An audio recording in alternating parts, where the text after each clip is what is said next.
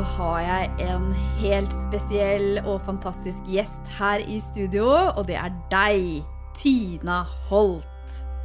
Velkommen skal du være. Tusen takk. Ja, Jeg føler meg veldig hjemme her, så koselig å bli invitert. nydelig. Mm. Og Tina, vi skal snakke om livsoppgave her i dag, så dette blir et sterkt tema. Men kan ikke du bare fortelle litt først? Hvem er du? Ja. Jeg eh, hjelper eh, ambisiøse, dyktige, åpne, rause damer med å skrive bøker og spre eh, budskapet sitt eh, ut i verden. Og da spesielt at de kan leve av sin livsoppgave, de også. Så jeg elsker boka di og gleder meg til å dykke ned i alt, alt om det. Mm. Og jeg må bare si, eh, Tina, hva som har skjedd etter at jeg møtte deg. Altså, Jeg visste jo hvem du var, men plutselig så fikk jeg en sånn Ok, nå skal jeg være med på forfatterprogrammet til Tina. Og så var det egentlig Jeg tror du bare coacha meg to eller tre ganger. Jeg sånn fikk fem minutter. Og det var så mye som skjedde bare i løpet av de minuttene. Ja, det var veldig spesielt. Jeg husker det så godt, jeg også. Jeg husker jeg så navnet ditt eh, på, blant de påmeldte. Og det, jeg pleier jo egentlig bare å se en ja, oversikt, på en måte, men så bare poppa det ut. Mm. Og så, så jeg hadde coacha deg et par ganger, så tenkte jeg nei, jeg må, jeg må hjelpe henne litt mer. Eh, og så hadde vi en én-til-én Mm. eh, der inne. Og da tenkte jeg bare nei, vet du hva, nå må jeg rett og slett bare eh, snakke litt med henne om vi rett og slett skal skrive den boken sammen. det vil si, du skriver, Ja. jeg publiserer. Ja. Mm. Og det syns jeg var så sterkt, for i det møtet, selv om vi satt på Zoom, så så- jeg, jeg trengte egentlig solbriller. solbriller. Eh, for det var altså så sterkt lys. Det var så hvitt lys som bare var til stede. Så det var bare sånn veldig tilstedeværelse. Hva tror du det betydde da? At det var riktig. At det var en sånn, kall det hva du vil, divine. Det var divine. Ja, jeg følte det samme. Og så husker du Det var så, det var så morsomt, for jeg, jeg spør jo alltid sånn Ja, hvem er det du føler liksom er favorittleseren? Hvem er det du ønsker å nå av? Hvem er det du liksom vil snakke til? og sånn? Hvem trenger deg? Eh, og så sa du ja, nei, og så begynte du liksom å snakke litt om det. Så sa jeg unnskyld at jeg avbryter, men jeg ser for meg at, du, at folk liksom ligger og leser boken din i hengekøyer. Mm. Og da sa du da sa jeg at Marit Reitan eh, vet ikke, Kanskje hører du på da, men eh, mange som hører på, vet hvem Marit Reitan er. Hun er jo kjempegod på reading, og jeg har vært hos henne noen ganger. Eh, og da fikk jeg i den ene readingen, så eh, så jeg det veldig for meg, og hun fortalte det òg, at eh, min livsoppgave og det her er veldig rørende, men min livsoppgave er faktisk å gå og rugge på mange som ligger i hengekøyer. Og jeg så det, det var hengekøyer overalt i det der bildet, fremtidsbildet som jeg også har sett mange ganger. Røde og grønne eh, hengekøyer. Og så det er min livsoppgave. Og så sier du at eh, ja, de ligger i den hengekøya og leser boka di. Ja. Så bare wow! Ja, det var veldig spesielt. det var så rart bilde å få.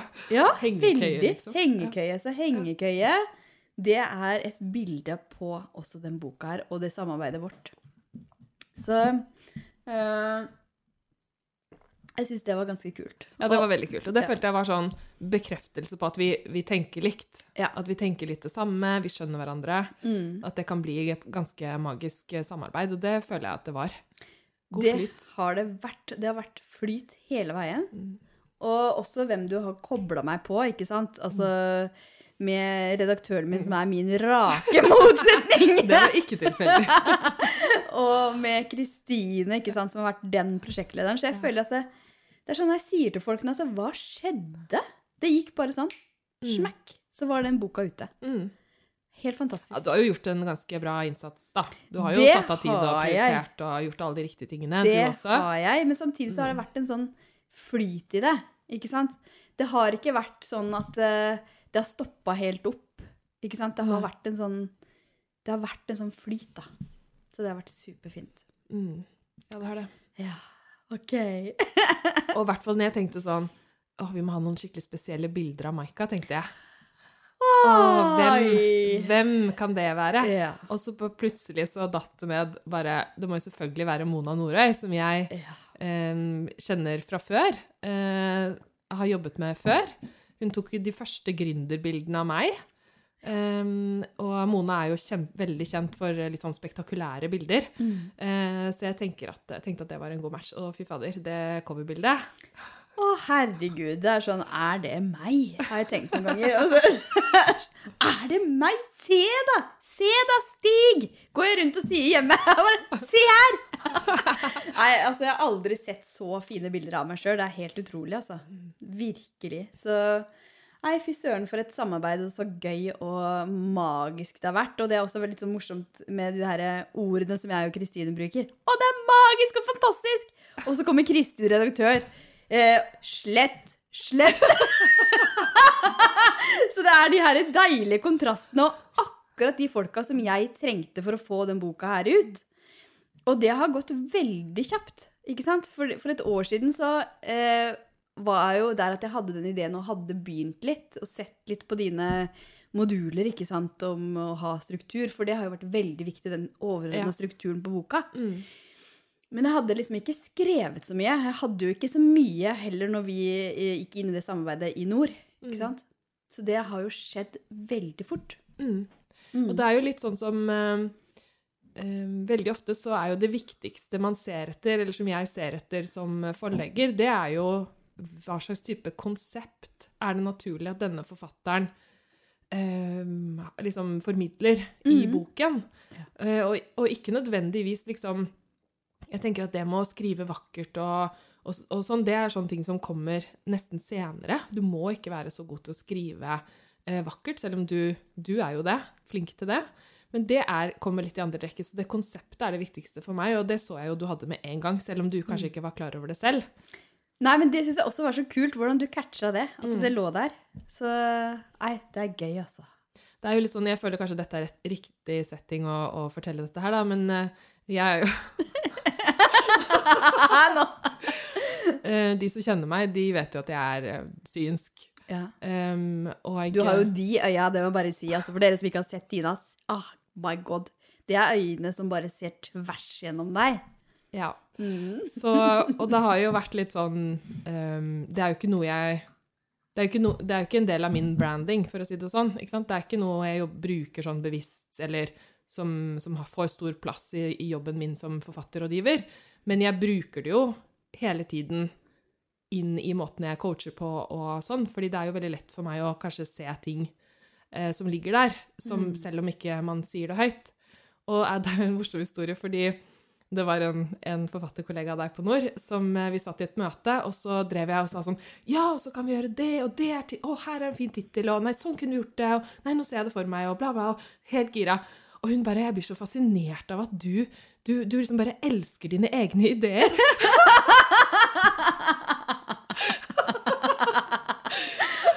og da ble jeg sånn Oi, er det sånn andre tenker på det? Ja. Fordi for meg er det jo ikke mine egne ideer. Å, herregud, det her er så kult! Ja, fordi det er jo samme med deg også, ikke Oi. sant? At du sier sånn, ja, du så konseptet mitt, men egentlig så føles det for meg som at konseptet ditt er mellom oss, Ja. og så er det bare jeg som laster det ned. Yes! Yes! Sånn at når vi sitter i møter, når jeg sitter i møter med fotograf, designer, forfatter, Ja. prosjektleder? Sånn, Ja. så er det akkurat som at det alles ideer, på en måte, Yes. eller sånn, alt man har, kommer sammen som en sånn eh, sky, liksom, over, og så kan, kan jeg bare hente det ned, da. Og det er sånn utrolig merkelig å sitte og si dette her høyt, Mm. eh, men jeg bare gjør det. Big magic. ja. Og det føles sånn. Så det er mange som bare 'Å, du er veldig god på å finne ideer og titler', og så bare Ja, men det er fordi jeg bare henter ned. Det er Ja, jeg, da. det er bare, sånn det føles. Og, ja, og jeg ble veldig fascinert og inspirert av å se at ok, det var jo nesten 200 stykker med inne i det forfatterprogrammet samtidig. Og hvordan du bare gikk rett inn og så hver enkelt bare sånn Ok, nå går vi 100% på deg og, og er til stede der, og så går du på neste. Mm. Altså det helt, var utrolig god, den coachinga, altså. Ja, det er Helt jo det spesiell. beste jeg vet. Ja. Det er jo eh, Jeg coacher jo Jeg har jo mange inne på forfatterprogrammet, men det er Jeg er der hver uke, og jeg elsker å være der. Og det tror jeg er noe av det beste med jobben min. Det er rett og slett det å gå inn der. Og jeg føler liksom at jeg Jeg får jo tid til alle. Snakker Mm. med alle. Ja, ja. Eh, og det, det er meningsfylt. Det syns jeg. Ja, Mm. for det var det jeg syns også var så utrolig eh, kult og fascinerende, at jeg følte meg så sett. Mm. Selv om det var mange andre der. Mm. Så det åh, Nydelig. Og det var du. Det var jeg. Ja. Du ble sett. jeg ble sett. Å, jeg blir helt rørt, jeg. Mm. Jeg bare kjenner det er sånn tåre som presser på her inne i øyekroken, så jeg er nok veldig rørt nå. Mm. Mm. Så eh, Tina, fortell litt om din livsoppgave. Når var det du oppdaga at du hadde en sånn et eller annet som bobla litt ekstra inni deg? Jeg um, drømte om å skrive bok fra jeg var veldig liten. Ehm, leste mye og um, sånn. Um, men så hadde jeg vel um, Jeg kommer jo fra en familie hvor det er sånn eh, sant, økono økonom, uh, leder, liksom sånn, veldig sånn, sånne type yrker. Jeg kjente ikke så mange som var uh, forfatter eller Mm. kunstner eller coach eller noe sånn i det hele tatt. Så, så det å skulle liksom skrive en bok eller bli forfatter virket jo bare helt sånn hvor, Hvordan gjør man det? Så det, det slo jeg vel litt fra meg hele tiden. Men jeg tenkte sånn, ok, men siden jeg er god på, eh, god på å skrive og uh, relativt smart, så kanskje jeg kan jobbe som redaktør da, i forlag. Eh, Så det, det fant jeg ut ganske tidlig, kanskje sånn jeg var sånn tenåring. At jeg trodde kanskje at det kunne være noe, men, men at jeg også hadde lyst til å skrive bok. Så, så lang historie kort, så endte jeg opp ganske ung som forlagsredaktør i Norges største forlag, Cappelen Dam. Eh, og hvor jeg jobbet med, med bøker. Og da oppdaget jeg jo da til min store glede hvor gøy jeg syntes det var å jobbe med kommersielle prosjekter. Fordi jeg er jo litteraturviter, akademiker, eh, men det å jobbe med bestselgere, det bare Det var magisk. det syntes jeg var skikkelig gøy. Det er bare, når du først liksom skriver den boka, så har man jo lyst til at mange skal lese den. Mm. Eh, og måten man får til det på, er jo å selge mange bøker.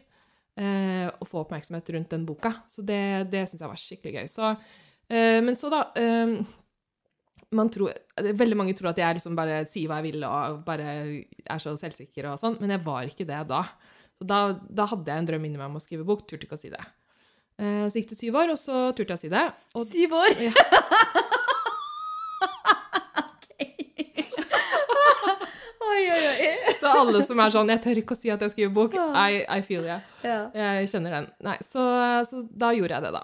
Eh, og da ville jo Cappelen ha den boka, så da skrev jeg den eh, i 2014. eh, og så Og hva het den? 'Renere liv'. Yeah. Den handler om en interesse, rett og slett, sånn mer sånn bærekraftig Mm. livsstil og sånne ting, som jeg fortsatt er opptatt av.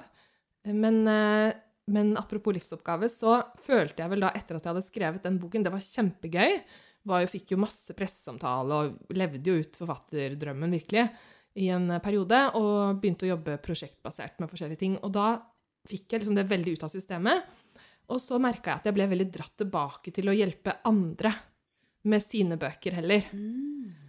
Og da skjønte jeg vel at det, det var jo Min livsoppgave er jo ikke å være der ute og mene noe selv nødvendigvis.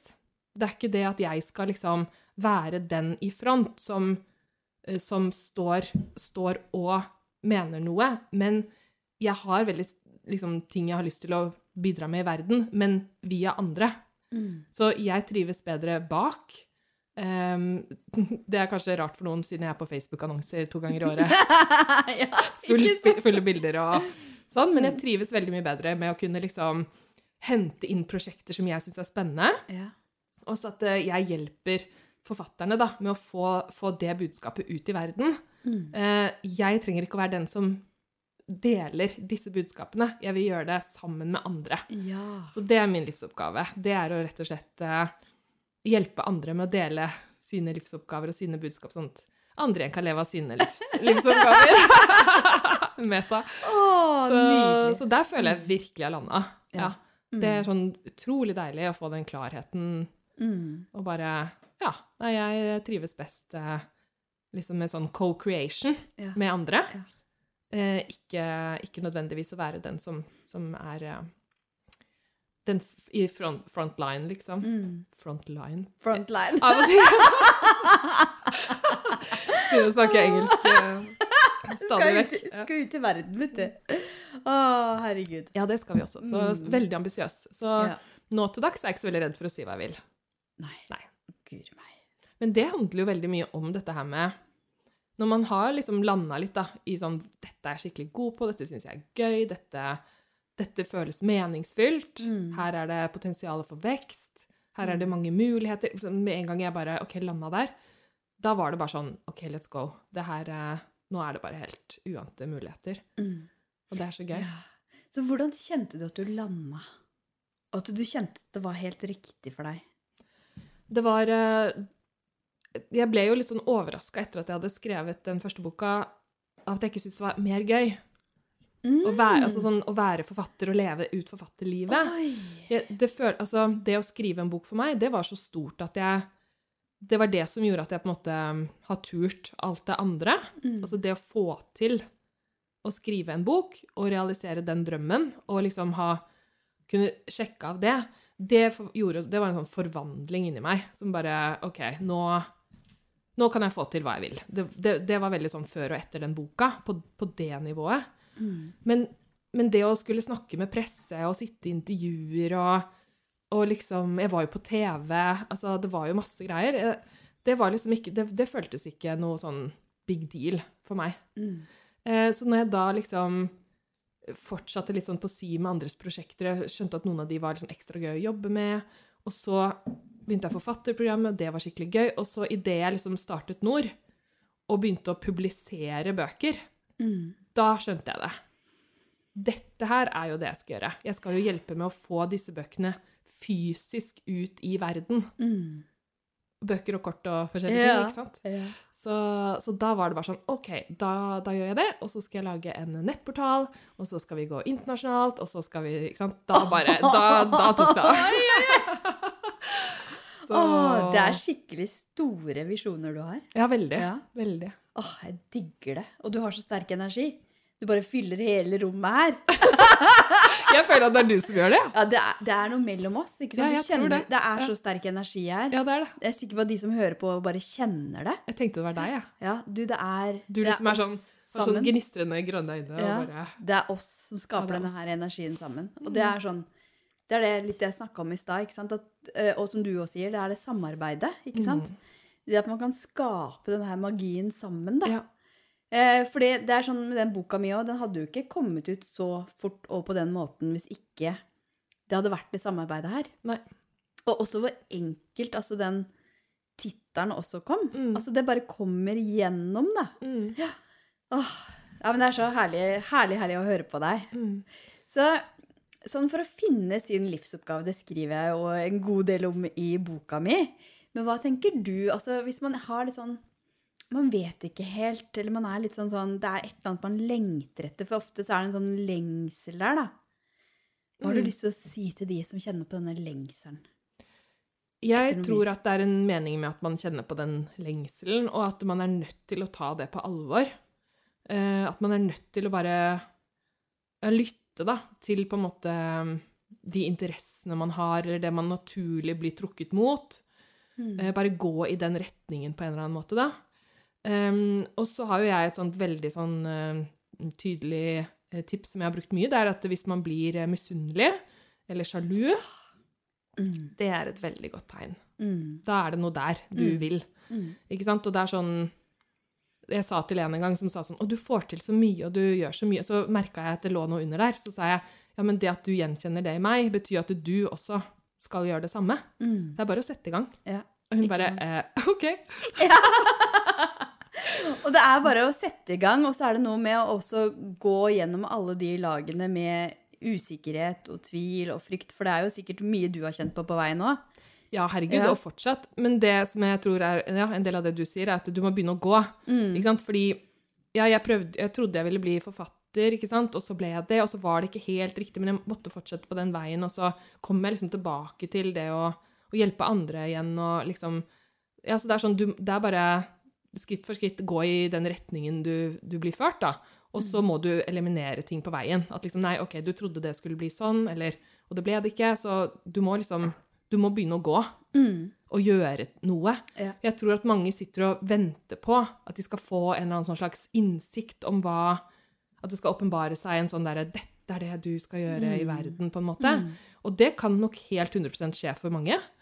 Men for meg var det ikke sånn. Jeg måtte, begynne, jeg måtte gjøre ting for å finne ut av OK, det likte jeg, det likte jeg ikke, det tar meg nærmere, det tar meg lenger unna. Eh, og faktisk liksom Ja. Eh, gjøre noe som, Ja. som tok meg til det. Og så um, er det jo sånn at eh, selv om jeg har store ambisjoner og, og um, er mye mer uredd nå, etter at jeg ble forfatter, ikke sant, så har jeg jo fortsatt sånn at nå er jo sånn som at jeg vurderer å få inn noen store investorer etter hvert, ikke sant? Nå, eh, og da er jeg sånn, men har, har jeg egentlig lov til å pitche til folk som driver business? Driver jeg egentlig business? Og jeg har jo, jeg har jo til og med et konsern. Ja. Men det er liksom sånn Har jeg lov å si det høyt, at jeg har et konsern? Det er liksom så Det virker så rart, da. For det er noe nytt, ikke Mm. sant? Og det er jo liksom eh, hele tida, uansett hvor du er på reisen din, da, så er det stadig nye lag du må gå igjennom eh, og, og oppdage, da. Eh, og jeg syns det er så eh, spennende det du sa nå, fordi tidligere i dag så hadde jeg en sånn coaching inni den ene mastermannen min. Mm. Og da var det ei som har holdt på med et konsept i flere år. Og så plutselig så har hun begynt å kjenne på en sånn ny kraft inn i noe helt annet. Eh, og det har på en måte bare åpenbart seg da, etter hvert som hun har gått på denne veien. Mm. Eh, og, og sånn var det for meg, og, og det skriver jeg også litt om i boka. ikke sant? At når du kjenner på motstand, eller du er sliten eller overvelda eller blir utbrent, så er det alltid sånt Hallo! Ja. Fra universet. Det er noe annet du skal. Ikke sant? Og så når du begynner å våge å, å lytte til det, og bare gå på den veien, så vil du oppdage at det er sånne skatter som ligger Ja. der framme, og så er det noe nytt igjen, og så er det noe nytt. Helt enig. Det er så fascinerende. Veldig bra beskrevet. Ja. Ja. Ja. Akkurat sånn. Nydelig. Du har så Herregud. vakre formuleringer. Ah, ja. Men jeg er i flyt, vet du. Ja, det er det er jeg. Mm. Ja. Men jeg skjønner hva du altså jeg, Det jeg tenker som mange spør meg om ofte, er sånn Ja, du som gjør så mange ting, og du gjør så mye og til så mye sånn, Du har vel kanskje Jeg har gått, gått litt på veggen et par ganger, og Mm. jeg har ikke det. Nei, du har faktisk ikke Nei, jeg har ikke det. Ja, det husker jeg du fortalte. Ja, og det er jo Og det er litt sånn derre Jeg tror kanskje det har med det å være litt i flyt, fordi jeg har alltid vært litt på samme vei. Jeg har alltid liksom tenkt at jeg skulle et sted hvor jeg jobbet kreativt med andre. eh, Litt business, litt gøy, liksom hobby blanda med jobb. Og jeg har alltid hatt sånne jobber som har vært jobb og fritid og interesse sausa sammen i, i ett. Og det har fungert ekstremt godt for meg, og det gjør jo ikke det for alle, tror jeg. Noen trenger litt mer klart skille, eller ja. Så det at jeg har kunnet ha sånne jobber hvor jeg har mye frihet, um, kan liksom jobbe med prosjekter jeg har villet selv. Jeg har jobbet som journalist og redaktør og ja, sånne yrker hvor det har vært mer sånn opp til meg, da, å produsere ting. Det har passet så bra at eh, det, Jeg holdt på å gå på en smell. Jeg måtte jobbe på kontor fra eh, ni til eh, Eller vi hadde kjernetid fra ni til tre. Det ble Ja. too much for meg. Ja. Ja, Så det trivdes jeg ikke så godt med. For da var det liksom på måtte være på et sted.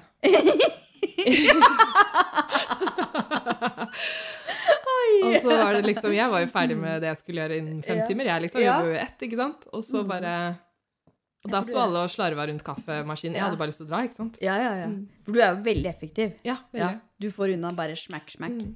Ikke sant? Ja, for jeg er veldig sånn Ikke alt. Nei. Det er jo ting jeg syns er um, eh, ekstremt kjedelig, ikke sant? Mm. Og detaljer og eh, liksom Ja. Det er en del arbeidsoppgaver jeg, ikke, hvor det overhodet ikke går fort. Men når jeg jobber med bøker, så går det Mm. alltid veldig, veldig fort. Mm. Mm. Så det er jo stor forskjell. Ja. Så ja, nei, jeg eh, Og jeg tror nok også mange tror at jeg jobber veldig mye. Mm. Men eh, det har jo vi også snakka om. Jeg har jo Ja. stort sett fri hver mandag og Ja, og du har jo små barn og Ja. Ja. Nei, jeg har fri! og det tenker jeg også Der har vi noe til felles, da, Tina. ikke sant? Fordi jeg har jo fri på fredager. For det aller meste, hvis ikke det er noe som dukker opp. altså Noen ganger så er det noen workshops og sånne ting. Men som oftest så har jeg fri på fredager, og da drar jeg inn til byen og trener. Mm. Tai chi og qigong. Og det fyller meg jo med livskraft og kreativitet. Mm. Eh, Men det er så deilig å kunne Ja, vet du hva, jeg jobber fire dager i uka. Og det er jo ikke sånn at jeg er på jobb hele tida heller, men det handler om å gjøre de tinga jeg syns er gøy. Og så har jeg også begynt å sette bort en god del, og det har jo du òg. Du Mm. driver jo og ansetter som bare det, du nå. Jeg har alltid hatt, eh, Ja. alltid hatt noen eh, ansatte. Mm -hmm. og nå er vi jo en sånn eh, Apropos skummelt, liksom. Ja. Altså, det er jo sånn eh, På et eller annet tidspunkt eh, er det i hvert fall mange som mener da, at når du driver eh, som gründer, så må du ta en beslutning om um, om du skal tjene penger før du ansetter, eller om du skal ansette og så tjene Mhm. mer penger. Eh, så jeg er litt, litt der nå, at jeg føler at liksom um, det er en balanse, da. At det, ikke sant? det er ikke sånn at jeg har mange millioner til lønninger. Uh, men jeg vet at vi ikke kommer til å nå mange millioner uten Ikke hjelp. Ikke sant? Ja. Uh, så det er sånn, Og der er jeg jo veldig åpen med de jeg har uh, ansatt, og de ansatte, at det, eh, ja, jeg har kunnet betale lønninger til mine ansatte i tre år, og meg selv, men vi vet ikke. Det er, en, det er liksom en startup vi driver, og bare hvis du syns dette er spennende, så hjertelig velkommen, liksom. Mm. Eh, men jeg har ikke noen garantier om en fast jobb for alltid. Og nå er det jo litt sånn at de som velger å jobbe med meg, de er jo litt sånn risikovillige typer Mm. selv, kanskje, Ja. selv om de eh, kanskje er litt mer eh, gode på detaljer og sånn type ting enn meg, så, så er det liksom Vi er en gjeng som Vi, vi skjønner greia, liksom. At Mm. her er det Her må vi på en måte. Skape vår egen eh, jobb, på en måte, Ja. eh, sammen. Ja. Og det fungerer veldig fint uh, foreløpig. Men nå, ja, nå kommer det om bord en eh, daglig leder um, på 40 uh, foreløpig. Fordi ja, vi må se da, ikke sant, hvordan det går. Mm. Og så, så det gleder jeg meg veldig til, som en som skal liksom holde i trådene, siden jeg har jo fire selskaper. Så det er fint å ha en som har litt sånn overordnet blikk på det. Fantastisk. Ja. Ja. Så, Hvordan kom du fram til For det her er jo interessant, ikke sant? Eh, For i starten så er det jo um, For meg så var det akkurat som det bare løsna på et eller annet tidspunkt. Mm. Uh, Jeg vet ikke om det var sånn for deg, men, men uh, i starten når man er gründer, så er det sånn OK uh, Det tar litt tid ofte før det begynner å rulle og gå sånn skikkelig. Og for meg så var det sånn Plutselig så begynte det bare den Jeg begynte å vokse skikkelig, da. Eh, og da var det jo et valg jeg måtte ta. Skal jeg nå bare si nei, eller skal jeg begynne å sette bort ting? mm. Så da valgte jeg å sette bort ting og få hjelp av assistenter og andre coacher. Og nå skal jeg gjøre min første ansettelse. Mm. Så jeg skal ha en type kontorsjef, som er litt sånn som Kristin, hvis du hører på. litt rake motsetninger av meg Ja. som kan holde oversikten og holde litt i, i roret. ikke sant? For jeg er jo sånn som er ute og gjør raid og har masse ideer og kreativitet. Mm. Og når jeg da eh, fant ut hva det er jeg syns er kjedelig, og hva jeg ikke får sånn kjempemye energi av, eh, og hva som på en måte blir liggende, så var det akkurat de tinga som en sånn person som elsker de tinga, kan gjøre, da. Mm. Eh, og det òg er jo litt sånn som jeg kjenner på at ok, det er litt sånn skummelt, men det er jo et valg jeg må ta hvis bedriften min skal vokse mer. For ellers så er det jo et type tak der på hvor mye Absolutt. ja, man kan klare sjøl, da. Mm. Mm. 100 Ja. Ja, det er jo skummelt. ja, ikke sant? Så, og det jeg tenker på også, er jo det her med at eh, jeg ønsker jo at eh, de på teamet mitt skal ha det bra. Ja. Veldig glad i de. Jeg har hørt at du er en veldig god leder. Har du hørt det? Jeg har hørt rykter om det. Ja, for en viss type person er jeg nok en veldig god Mm. leder. Ikke sant? Men så har du jo de som em, har mer behov for stabilitet, Mm. eh, rutiner, forutsigbarhet. Hva skal vi gjøre i morgen? Eh, hva skjer da? Ikke sant? Den type. Og det kan ikke jeg eh, levere på. Fordi ja, som gründer og med fire selskaper og ting endrer seg og sånn, så er jeg nødt til å kunne snu meg rundt raskt og gjøre endringer raskt. Mm. Og det liker jo jeg. Jeg liker jo tempo. Det, hvis ikke det er en del av jobben, så da Da orker jeg ikke. jeg vil ikke ha rutiner. ja. Nei. Nei, så, så derfor, det med daglig leder tenker jeg er veldig viktig, fordi da kan jeg være litt mer ekstrem gründer. Fordi jeg tror Ekstrem gründer, Ja. det er kult. Ikke sant? Fordi jeg tror at det, Jeg har hørt, i hvert fall Hvem var det som sa det? Eh, Jeg hørte det et sted, at det er veldig stor forskjell på Altså, det som gjør en gründer god, er ikke nødvendigvis det som gjør en leder god. Så selv om Ja. jeg har vært en god leder eh, før, og er det for, for, eh, for de fleste på teamet nå Jeg tror det var han James som sa det. James Wedmore, Ja. stemmer det. Mm. stemmer. Mm. Eh, og det resonnerte veldig med meg. at eh, Det føler jeg på nå. At eh, nå som jeg er gründer, da liker jeg å være det fullt og helt. Og det her er så spennende og sant. fordi at det ofte så er jo den gründeren er jo den som har alle ideene Mm. og visjonene. ikke sant? Men det er ikke nødvendigvis den som er den beste til å, å styre skuta. Nei. Ikke sant? Og vi har jo altså Det er jo en på teamet som da hun begynte, så vi har ledd mye av det etterpå, altså. Ja. Um, da sa hun sånn Ja, har vi årshjul? du ler. Og jeg bare Oi, ja, nei, det er en greie, ja. Ok, nei, det, det har vi ikke. Altså, okay. nå har vi det, da. Ja, Eller vi ja, kaller ja. det aktivitetskalender. Ja. Eh, men det er det var ikke du som lagde den? eh, Jo, det var jeg som tok initiativ til det. Yes! Etter at eh, det var noen eksterne som ba Ja. om det. så da fikk vi på plass det. Ja. Så, men det er jo da en av oppgavene til daglig leder, er å Mm. sørge for oppdatert aktivitetskalender eller årshjul. Ja. Fordi jeg ser jo verdien av det. 100 Struktur er ja. kjempeviktig. Å ha noe i Mm. bunnen. Som, Mm. At vi har jo noen aktiviteter som går igjen eh, hvert år. Mm. Og så kan jeg heller være litt sånn crazy da, og ha mine egne prosjekter som, som ikke påvirker andre så mye. At ikke Ja. de må kaste seg rundt og bli avbrutt i alt de holder på med hele tiden, men at de kan ha mer Ja, og de det gir jo en forutsigbarhet, ikke sant? Ja. Og for meg også har det vært kjempeviktig å, å ha en viss struktur, ikke Mm. sant? Og så kunne planlegge litt framover. Eh, og for deg òg, for du har jo Er det to store lanseringer du har i året? Eller er det mer? Eh, Altså med tanke på forfatterprogrammet? Ja. der lanserer vi to ganger i året. Ja. Men det er også sånn Det er ikke sikkert altså Kanskje neste år er det bare én. Ja, Ja. ikke sant? Ja. Jeg følger litt på det fra år til år. Men hvordan, hvordan er det? For det her er jo interessant for mange. Mange jeg jobber med, er jo i lansering og syns at det er eh, For noen syns er det kjempetøft. Mm. Ikke sant? Hvordan er det for deg? det er kjempetøft. Ja. Eh, og det handler jo mest om det her vi snakket om i sted, at jeg er ikke så glad i å være i front. Um, jeg er veldig glad i å coache uh, inne på forfatterprogrammet når folk først har kommet inn, og, og ta vare på de der og liksom Er du egentlig litt innadvendt? Uh, Jeg er veldig introvert. Jeg trenger masse, masse mm. alenetid. Eh, det gjør jeg. Eh, Men jeg er ikke noe, altså er ikke noe sånn sjenert eller noe hvis jeg kan snakke om uh, fag eller Mm. temaer. Mm. Sånn business Ja. eller spiritualitet eller bøker. Da kan jeg prate med hvem som helst. Mm. Men sånn der smalltalk og mingling og sånn, det Ja, helt, altså, da sagt. gjemmer jeg meg på do. Det syns jeg er så fælt. Jeg skjønner, jeg klarer ikke. Herregud. Og folk er sånn sånn Hvor ble det av Tina? Semi- ja. Å, I Hemsedal når vi var på de gründergreiene. Ja, ja. Og så er det, nå er det mingletid. Og jeg bare å, herregud, hvor er nærmeste utgang?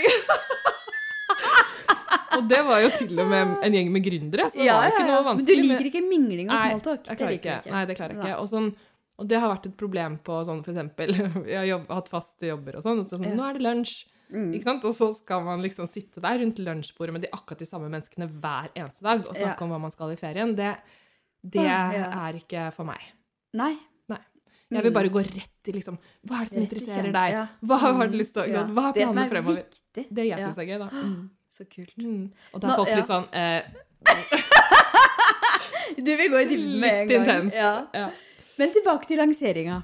Ja, Ikke sant? jo, fordi, så- du, mm. fordi du er egentlig mm, Du liker når du er inne i forfatterprogrammet og når du Ja. møter kunder og Ja. samarbeidspartnere og sånn, men akkurat lanseringen, hvordan er det for deg? Nei, det er mye. fordi For det første så er det jo bilder av meg overalt. Mm. Eh, og det er jo for så vidt greit nok. Det ser jeg på bare som en sånn del av jobben, og, og helt OK, egentlig. Eh, men det å skulle liksom jeg produsere veldig mye innhold, sånn, produsere til annonser, produsere til sosiale medier Jeg har ikke så mye på hjertet. Sånn når det Mm. gjelder sånn Ja, day to day, liksom. Ikke sant? Mm. Eh, Så det syns jeg er litt krevende. Og jeg skulle skape nytt, nye annonser og nye ting. Eh, Og så syns jeg det er krevende at eh, det blir så mye meldinger. Eh, mye spørsmål. At jeg må Mm. være på hver eneste dag. Jeg kan ikke ta mandag off, liksom, eller Mm. veldig intenst. Og så har jeg jo heldigvis Altså, jeg ser jo nå at eh, ja, Silje og Vibeke da, på, på teamet, de svarer jo veldig mye bedre enn meg Ja. på spørsmål og kommentarer og sånn. Så det, den, den jobben nailer jo de fantastisk bra, og Mm. spør meg hvis det er noe spesielt. Eh, så vi har jo sånn oversikt over sånn Jeg har svart på alle mulige spørsmål i et dokument, og så kan de gå og hente derfra. Så det er liksom mine svar. Men det er de som, som ofte poster det. Og det fungerer kjempefint. Og ja, de tar så godt vare på folk og svarer så fint. Og nei, det er god stemning. Så den, den eh, fungerer bra. Men, men bare det å vite at det er liksom masse mailer og masse meldinger og masse sånn. Det er sånn Jeg blir overvelda. Ja, da blir du overvelda. Selv om jeg er glad og Mm. takknemlig og bare Ja, for noen år siden virket det helt utenkelig at det kunne skje, at det, så mange var interessert. Så jeg er jo Ja, det er en sånn derre blanding av bare ekstrem takknemlighet og overvelda samtidig. Guri meg. Mm. Fordi det du sier der, det syns jeg er så interessant, da. Eh, at eh, hvor er du når du er i ditt geni? Og det andre kan andre faktisk gjøre enda bedre enn deg. Mm. Sant? Og du er jo i ditt geni når du sitter og coacher, og når du hjelper alle disse her eh, kundene dine, for eksempel. Mm. Så det å være mest mulig der, da. Mm. Men det som, jeg, det som Vi har jo oppdaget at det er jo veldig mange som har lyst til å snakke med meg. ikke sant? At liksom, ja, får vi hjelp av, av Tina? ikke sant? Er hun faktisk til stede eh, inne på forfatterprogram og sånn? ikke sant? Og da føler jeg at jeg må må jo ikke sant, betrygge Ja, jeg, jeg er der, og det er det beste jeg vet. Og, Ja. ikke sant? Mm. og da, så jeg, jeg føler at jeg må jo være synlig i den lanseringen for å nesten sånn bevise at uh, jeg, jeg tar vare på deg inne på forfatterprogrammet. Eh, Så, så det er jo Jeg føler at det er nødvendig. Og, men webinar, for eksempel, syns jeg er ganske gøy. Mm. Ja, Der kan jeg sitte og skravle med folk i chatten og Du er god på å selge. Ja, jeg syns det er kjempegøy. Ja, altså, det føles ikke som salg. Altså, det Nei, det er som, bare eh, helt sånn Man må, Ja. må være med. Altså, det er bare en sånn gave, følte jeg. At ja, men det her skal jeg. Ikke sant? Men jeg jeg følte ikke at du, så- du var ikke noe sånn ha, hardt salg i det hele tatt. Det var bare sånn Selvfølgelig. Velkommen. Ja. Du er her for å hjelpe. 100 Mm. Og det er jo litt sånn jeg tenker det bør være også, på en måte. At man er så stolt av det, Ja. det produktet man har, da. Eller Mm. det man driver med. Og jeg er så stolt av teamet mitt, og jeg vet at folk blir så godt tatt vare på. Vi overleverer. Vi, det er så Mm. bra eh, der inne. Så jeg, så jeg har jo ikke noe problem med å selge det. Mm. Ikke sant? Det er jo, jeg tenker at, at det er eh, ja, kjempestolt av det vi, av det vi leverer. Eh, og så er det jo litt sånn at eh, jeg har heller ikke noe behov for å selge så veldig, fordi jeg har en liten sånn session før, før webinarene, Ja. hvor jeg liksom bare Ja, det høres også veldig heksete ut, men Jeg tror jeg kjenner det igjen. en liten Ja. sånn seremoni, da, kan man si. At Mm. liksom de som trenger forfatterprogrammet, at de skal skjønne at det, det er riktig. Det er intensjonen du setter. Ja. Eh, og det syns jeg også eh, Vi snakka litt om det tidligere i dag i en coaching jeg hadde. At eh, før så var jeg sånn at jeg måtte ha masse slides, stå og pugge det jeg skulle si, og sånn hvis jeg skulle holde foredrag eller workshops eller den type ting. Mens nå er det mye viktigere for meg å sette en intensjon og være i en sånn sterk energi, da. Mm. Sånn at jeg, hvis jeg f.eks. skal gjøre noe på ettermiddagen, så er det sånn at jeg ok, gjør tai chi eller hviler liksom dagen på dagen Mm. og bygger opp energien. Mm. Mens tidligere så var det sånn nipugging. Ja. Sant? og veldig fra hodet. ja, for det er veldig interessant. Ja. Så det blir litt sånn stakkato og veldig innøvd, ikke sant. Så det er jo noe helt annet også med deg, da. Når du er på webinar med deg, du merker at det er en sånn åh, det er ekte, da. Mm, det er veldig koselig at du sier. Ja, det føles, jeg skrev jo også manus til mitt første webinar, men det, Ja. det bare kasta jeg. Ja. Så bare begynte jeg å prate. Ja. Men litt slides og sånn tenker jeg er fint, bare sånn, sånn holdepunkt at det føles Mm. liksom som at vi skal gjennom noe. For jeg gir jo veldig mange tips. Ja. ja, det Um, gjør du. Ja, Ja. Så, og det syns jeg er greit. At jeg bare Mm. Vær så god, her, eh, her har du det du trenger for å komme i gang. Mm. Eh, på et gratis webinar. Det er bare fin gave. Mm. Helt Og de som skal være med, som er ment å være med, de blir med. Og det mener jeg. Det tror jeg på. Men det her handler jo om at du har jo veldig tillit til det du holder på med, da. Mm. At du bare er fullstendig i tillit til at disse folka kommer. Ja, Ja. Eh, ikke det at jeg av og til blir usikker. Det er jo litt sånn derre Ja, nå har jeg ansatt en ny person. Nå håper jeg virkelig at det nå, Ja. nå, nå kan de komme. Ja. Så det er ikke bare flyt. Nei. Nei, det er det Nei. ikke.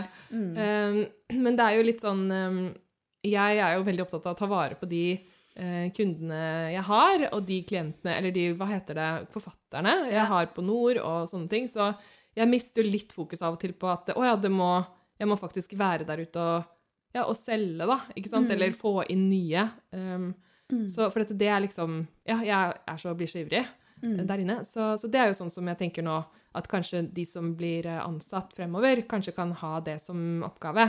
At Mm. oi, nå må vi faktisk ha fokus på liksom det aspektet også. Så kan Mm. jeg heller bare være litt den som tar vare på og følger opp og har det gøy, liksom. Ja, har det gøy. Men jeg syns det er sånn eh, um, fordi at eh, jeg er jo med i en mastermind med Ida Jackson, Jackson, Mm. og så sa hun til meg eh, Du, Maika, nå er du overvelda av det du drømte om i fjor. Ja. Det syns jeg var litt kult sagt. Mm. Fordi at eh, ofte så kan man eh, Ting kan skje veldig fort, da. Ja. At plutselig så har du en vekst, eller plutselig så har du skrevet en bok på under et år. Mm. Eh, og så, ok, hvor går veien videre da? ikke sant? For da må du ha en ny struktur, en ny måte å jobbe på. Så eh, når var det det liksom løsna for deg? Kan du huske det? Var det noe som skjedde, eller hva var det? Fordi du har jo starta et sted, du òg, Ja, ja. ikke sant? Mm. Em, altså, mm, jeg er veldig enig med Ida der, fordi det er jo litt det jeg snakket om i sted, at når jeg blir overvelda under lansering, så er det jo, det er jo drømmen som Mhm. går i oppfyllelse. Ja. Ikke sant? Det det. At jeg drømte jo om å få liksom hundrevis av damer på kurs, ikke sant? Og så bare Og nå skjer det. Ja, og nå skjer det, Ja. og det er overveldende og Ja. spennende og alt på en gang, ikke sant? Mm. Så, så det er eh, viktig, og det tenker jeg på av og til at liksom jeg, Nå står jeg og klager over at jeg liksom må gjøre husarbeid, da. Og så bare Men jeg drømte jo om å bo i det huset her. Ja. For, ikke sant? Så bare Ikke sette sant? ting litt i perspektiv Ja. og ta seg selv litt i det av og til. Og Ja. stoppe opp og bare uh, Jeg drømte om å ha et team med fem ansatte. Nå er vi åtte. Det er liksom Ja. Det Ja, bare gure meg. De Mm. tingene som virket helt sånn, ja, over, eller sånn utenkelig for kort tid siden, da, Mm. kan plutselig skje. Ja. Og det skal man være åpen for, og det er gøy. Eh, og samtidig lov å bli stressa av det òg, tenker jeg. Det må Mm. være, ja. Ja. Nei, når det løsna for meg, hva skal jeg si Ehm, jeg, eh, Mitt første forfatterkurs, der tror jeg hadde tre deltakere. Ja. Eh, fordi det bare lagde jeg, og så skrev jeg om det på en Facebook-side. Men jeg visste jo ikke hva markedsføring eller salg var i det hele tatt. Um, så da hadde jeg de tre, men de tok jeg jo så godt vare på at det ble jo bøker, og liksom, de var jo skikkelig ambassadører. Ja, Det var lurt! ja, det var lurt. Ja. Så det var fint. Så det, men det var jo også veldig, veldig gøy og stas, og nei, det var en fin tid. Og så, eh, og så tror jeg det var liksom, ja, litt flere på neste. Og så tenkte jeg, nei, dette her er jo Jeg, jeg skjønte liksom at det måtte være eh, liksom en nøkkel til Altså, det måtte være Jeg kan ikke bare holde kurset. Det må jo, jeg må jo få folk inn. Eh, og da mm, eh, fant jeg Gry Sinding på Facebook, annonse, og så snakket jeg med henne, og så ble jeg med i et sånt kurs hun hadde om eh, kurs. Eh, og da hadde jeg jo lagd kurset allerede, og det var fint, men jeg lærte markedsføring. ja. At jeg skjønte at det var et sånt system. Mm.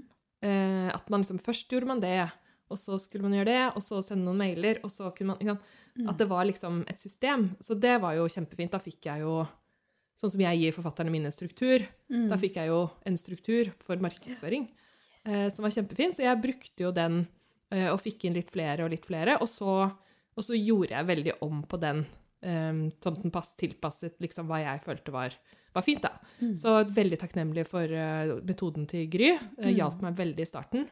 Eh, så, men så Fikk du et sånn type sånn gjennombrudd? Altså Kan du liksom huske at det var OK, den lanseringa eller den Nei. Nei, det var ikke noe sånn hmm, nei jeg uh, har følt at det bare har vært litt sånn derre Gradvis. gradvis Mm. og jeg føler vel ikke at jeg er helt sånn Jeg, jeg føler vel nesten ikke at jeg er helt der ennå. Kanskje, kanskje det er det som er greia. At jeg føler ikke at det har løsna.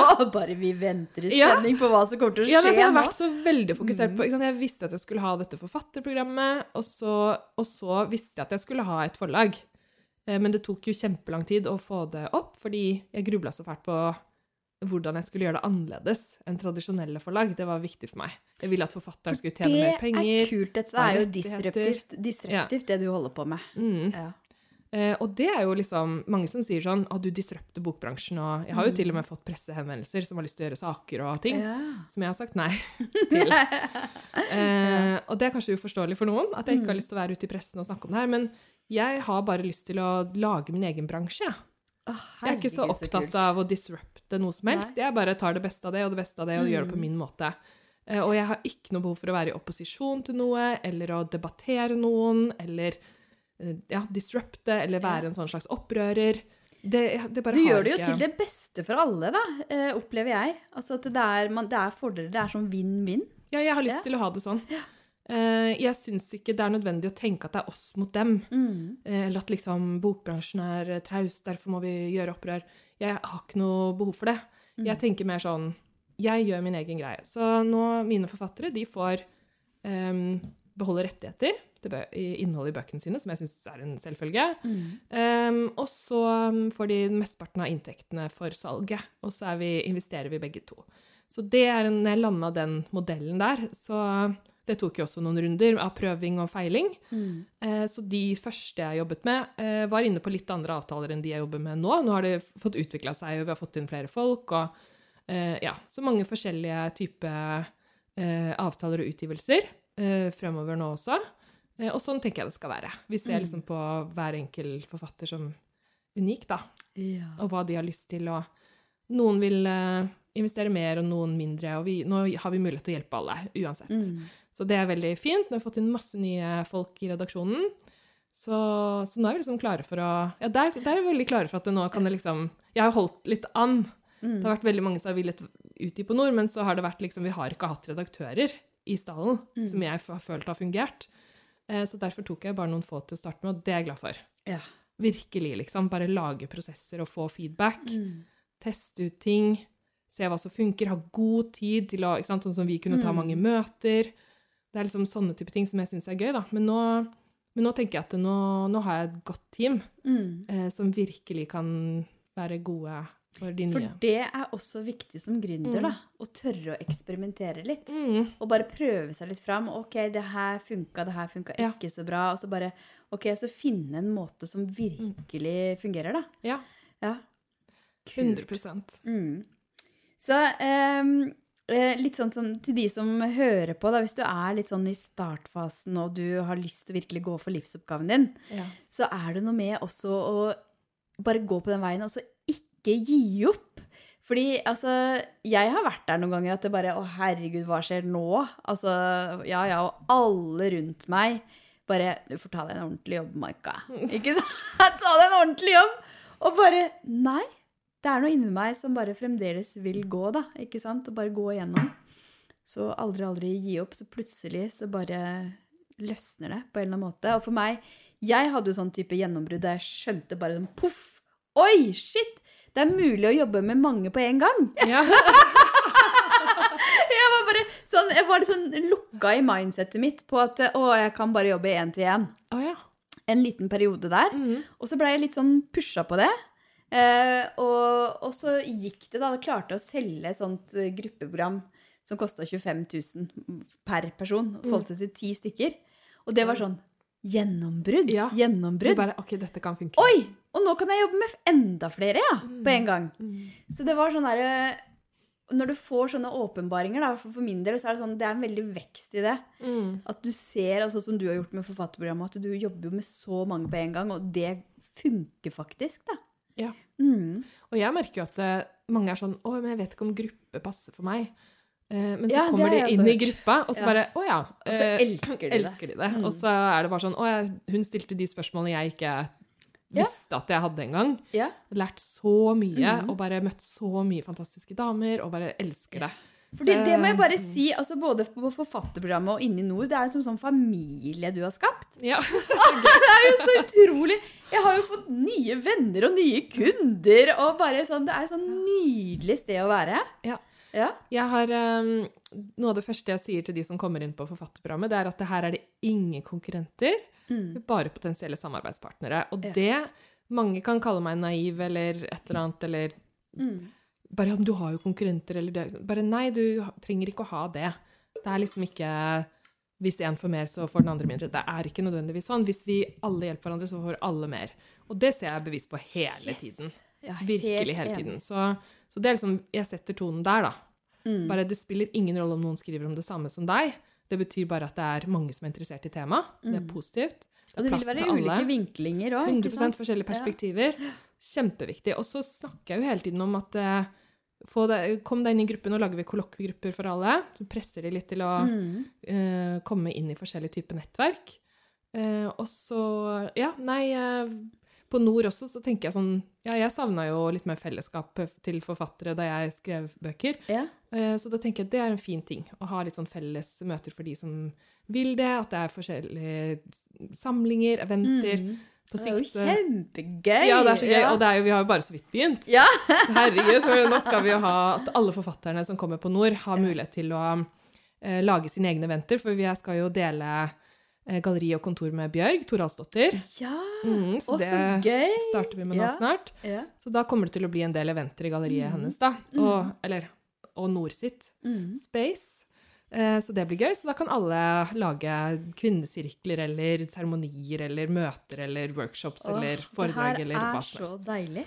Så Åh. det er veldig, veldig gøy. Tenker det, Sånne ting er gøy. Ja, herlig. Og da slipper man liksom å måtte markedsføre alt selv. Da, da kan vi gjøre det gjennom vårt community. Mm. Og det tenker jeg gagner alle. Ja, Ja. nydelig. ja, Så det er helt nydelig. Så nå jobber vi med å lage nettbutikken om til nettportal som heter nordcommunity.com, hvor vi også skal em, ha, selge workshops og eventer og forskjellige typer digitale ting og alt mulig rart. Så det blir sånn univers av Det eh, er så kreativt og kult. Og jeg må bare si, sånn, jeg så, når jeg så boka mi ligge der, jeg bare Herregud, hva Det er så rart! Og det er liksom så surrealistisk på en måte. Plutselig så ligger det en bok Altså, boka mi ligger der. Mm. Er det ikke gøy, liksom? Jo, det er helt nydelig. Helt nydelig. Hva tenkte du første gang du så coveret? Ferdig. Nei, altså Jeg må vise det til mannen min, tenkte du. Ja! Det var akkurat det! Det var det. Stig! Nei, altså, jeg, jeg bare Det er en sånn følelse, ikke sant? Det er en sånn Mm. nesten Det er litt sånn ubeskrivelig, for det er for meg også en sånn veldig sterk drøm. Som plutselig har da manifestert seg som en sånt cover, ikke sant? Mm.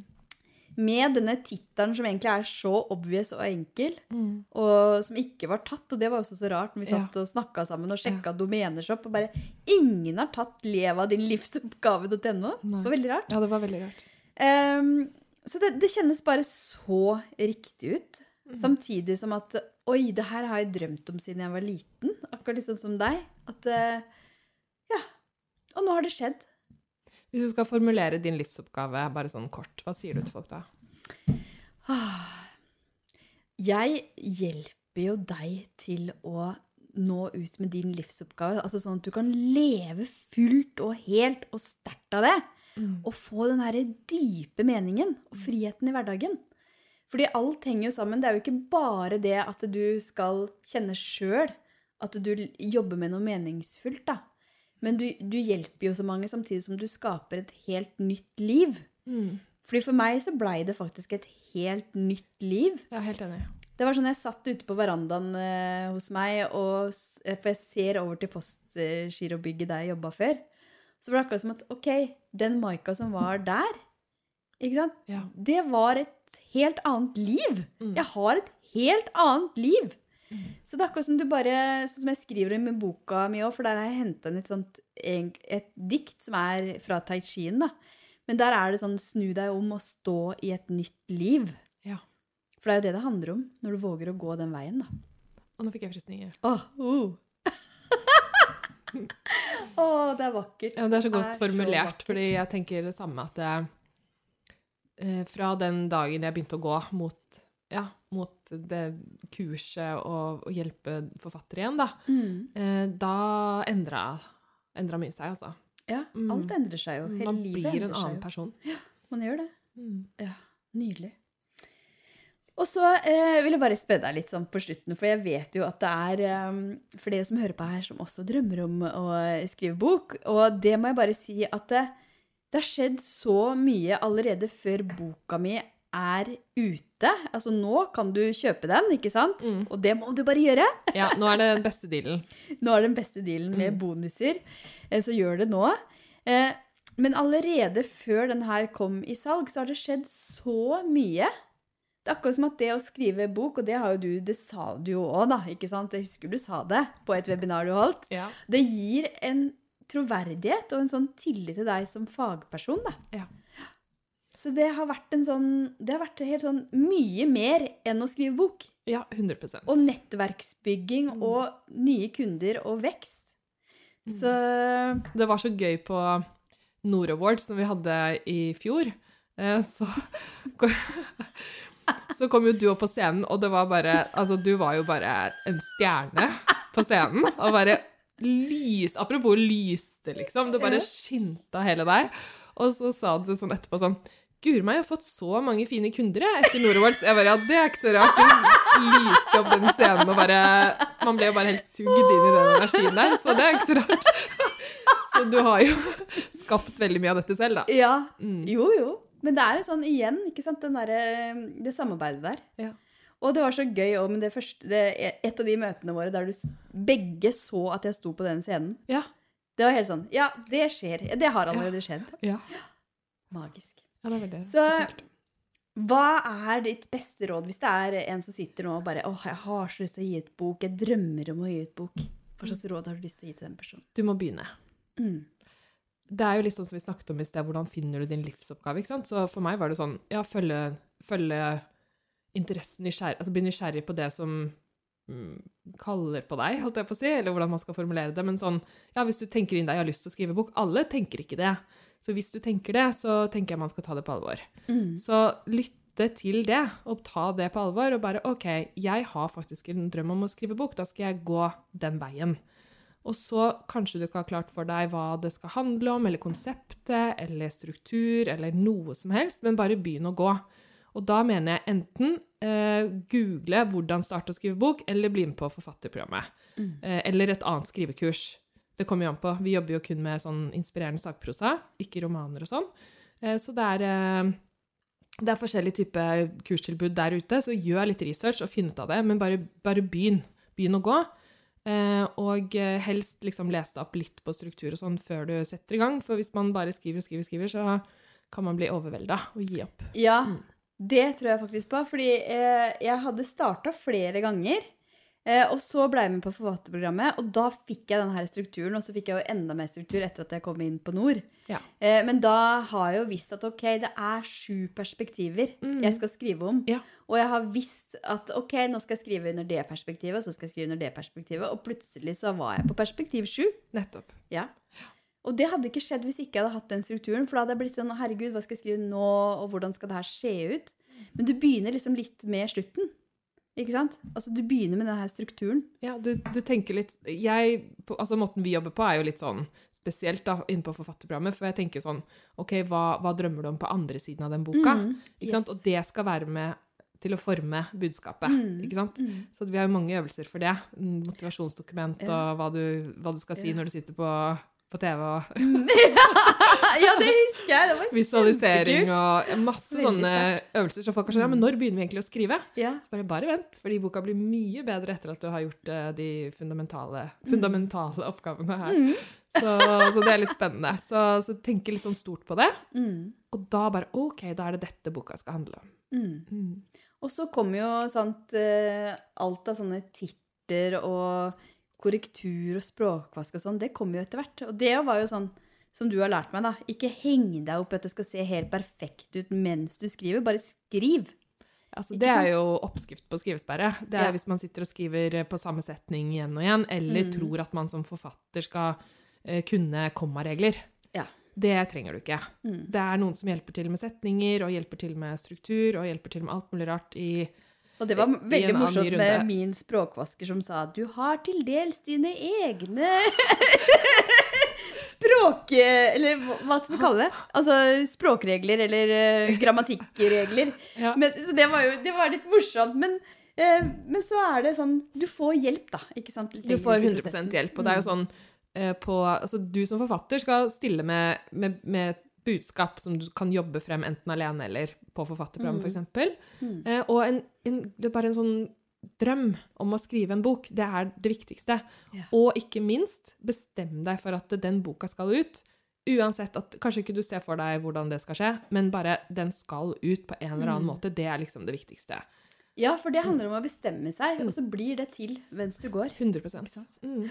Nydelig. Og det gjelder andre drømmer òg. Mm. Og det å gå for livsoppgaven din. At du bare begynner å gå, Ja. så skjer det. Og så er det noe med, som jeg merker veldig, i hvert fall, er at mange er sånn eh, å, å skulle si at man er forfatter, det virker veldig sånn rart. Mm. Akkurat som at, eh, sånn som Helene venninna mi sa, det er akkurat som at jeg skal, må få sånn tillatelse fra noen Ja. for å liksom få lov til å si at jeg er forfatter. Ja. Eh, sånn at det, jeg oppfordrer jo alle forfattere jeg jobber med, til å øve på å føle at de er på vei mot å bli Mm. forfatter, og liksom si det inni seg og begynne å venne seg til den tanken. Fordi det er jo litt med sånn eh, Ja, jeg har hørt en del sånn coacher som snakker om sånn identitet. Mm. At eh, hvis identiteten din ikke, ikke liksom er noe i nærheten av eh, at du, du tror du kan få til ting, så gjør du ting som saboterer litt. Det er så sant. Mm. Og det må jeg bare si, når jeg så dette her coveret og delte det eh, med familien min, og sånn, så var det setningen 'Jeg er forfatter!' Yes, nettopp. Åh, og det var en sånn Herregud, for en følelse! Mm. Ja, det er helt oh, absolutt ja. bra. Mm. Ja, men jeg også var helt sånn Og det er jo, jo ikke alle som syns det er like at det virker så gøy, men da er det kanskje ikke forfatter man skal bli heller. Nei. Ikke sant? Men hvis du har sånn her at du bare Å, jeg skjønner hva dere mener, jeg også drømmer om å kunne Ja. si det, da må du du skrive en bok. Det må du, Det må du. for da er det så sterkt i deg. Ja. Ja. Og du får jo ikke venter på ditt budskap. Ja, verden venter på ditt bok. Ja. ja, det er mine taglines. Ja. Del, del det du vet. Verden venter på din bok. Det mener jeg. Mm. Fordi jeg tror jo på det, da. At hvis du har et, noe, en historie, for eksempel, eller et eller annet du tenker at du har lyst til å dele med verden, så, så skal du det. Da er det noen som Mm. vil høre det. Ja, absolutt. Mm. Ok, Tina. Da sier vi det sånn. Og jeg kommer til å lenke til boka mi under her. Så løp og kjøp, og gjerne nå under forhåndssalget, for da får du noen bonuser. Og så er det veldig viktig for meg òg, ikke sant? At uh, dette forhåndssalget er jo veldig viktig. Og Ja. det er det ikke alle som er klar over. Har du lyst til å bare si litt om det? Ja, det med forhåndssalg det er eh, litt viktig, fordi for det første så er det jo litt sånn stas for Maika Mm. å selge mange bøker eh, med en gang den, at det er mulig å kjøpe. Um, så det er veldig fint. Så hvis du har tenkt å kjøpe boka en eller annen gang, du som hører på nå, så hadde det vært veldig stas om du gjorde det nå, mens det er Mm. forhåndssalg. Eh, det er veldig koselig for Maika. Da blir det mange solgte bøker i begynnelsen, og det gjør jo også at man har en sjanse på bestselgerlisten, offisielle bestselgerlisten. Det er veldig, veldig stas. Eh, og så er det jo litt sånn at man ja, gjør litt ekstra stas på hele greia med bonuser og best pris og signert utgave og alt mulig. Så det er eh, Og golden ticket. golden ticket, ikke minst. Så her er det bare å Ja. ja, Mm. eh, bare kjøp den nå. Det er veldig, veldig fint for, eh, for både deg, som får alt det kule tingene med, og for Mm. Maika. Mm. Mm. Nydelig. Tusen takk, kjære Tina, for at du kom hit til Nesodden og inn i dette rommet mitt her. Og for samarbeidet vårt. Så dette er bare helt nydelig. Tusen takk, Maika. Fantastisk å være her. Nydelig. ha det!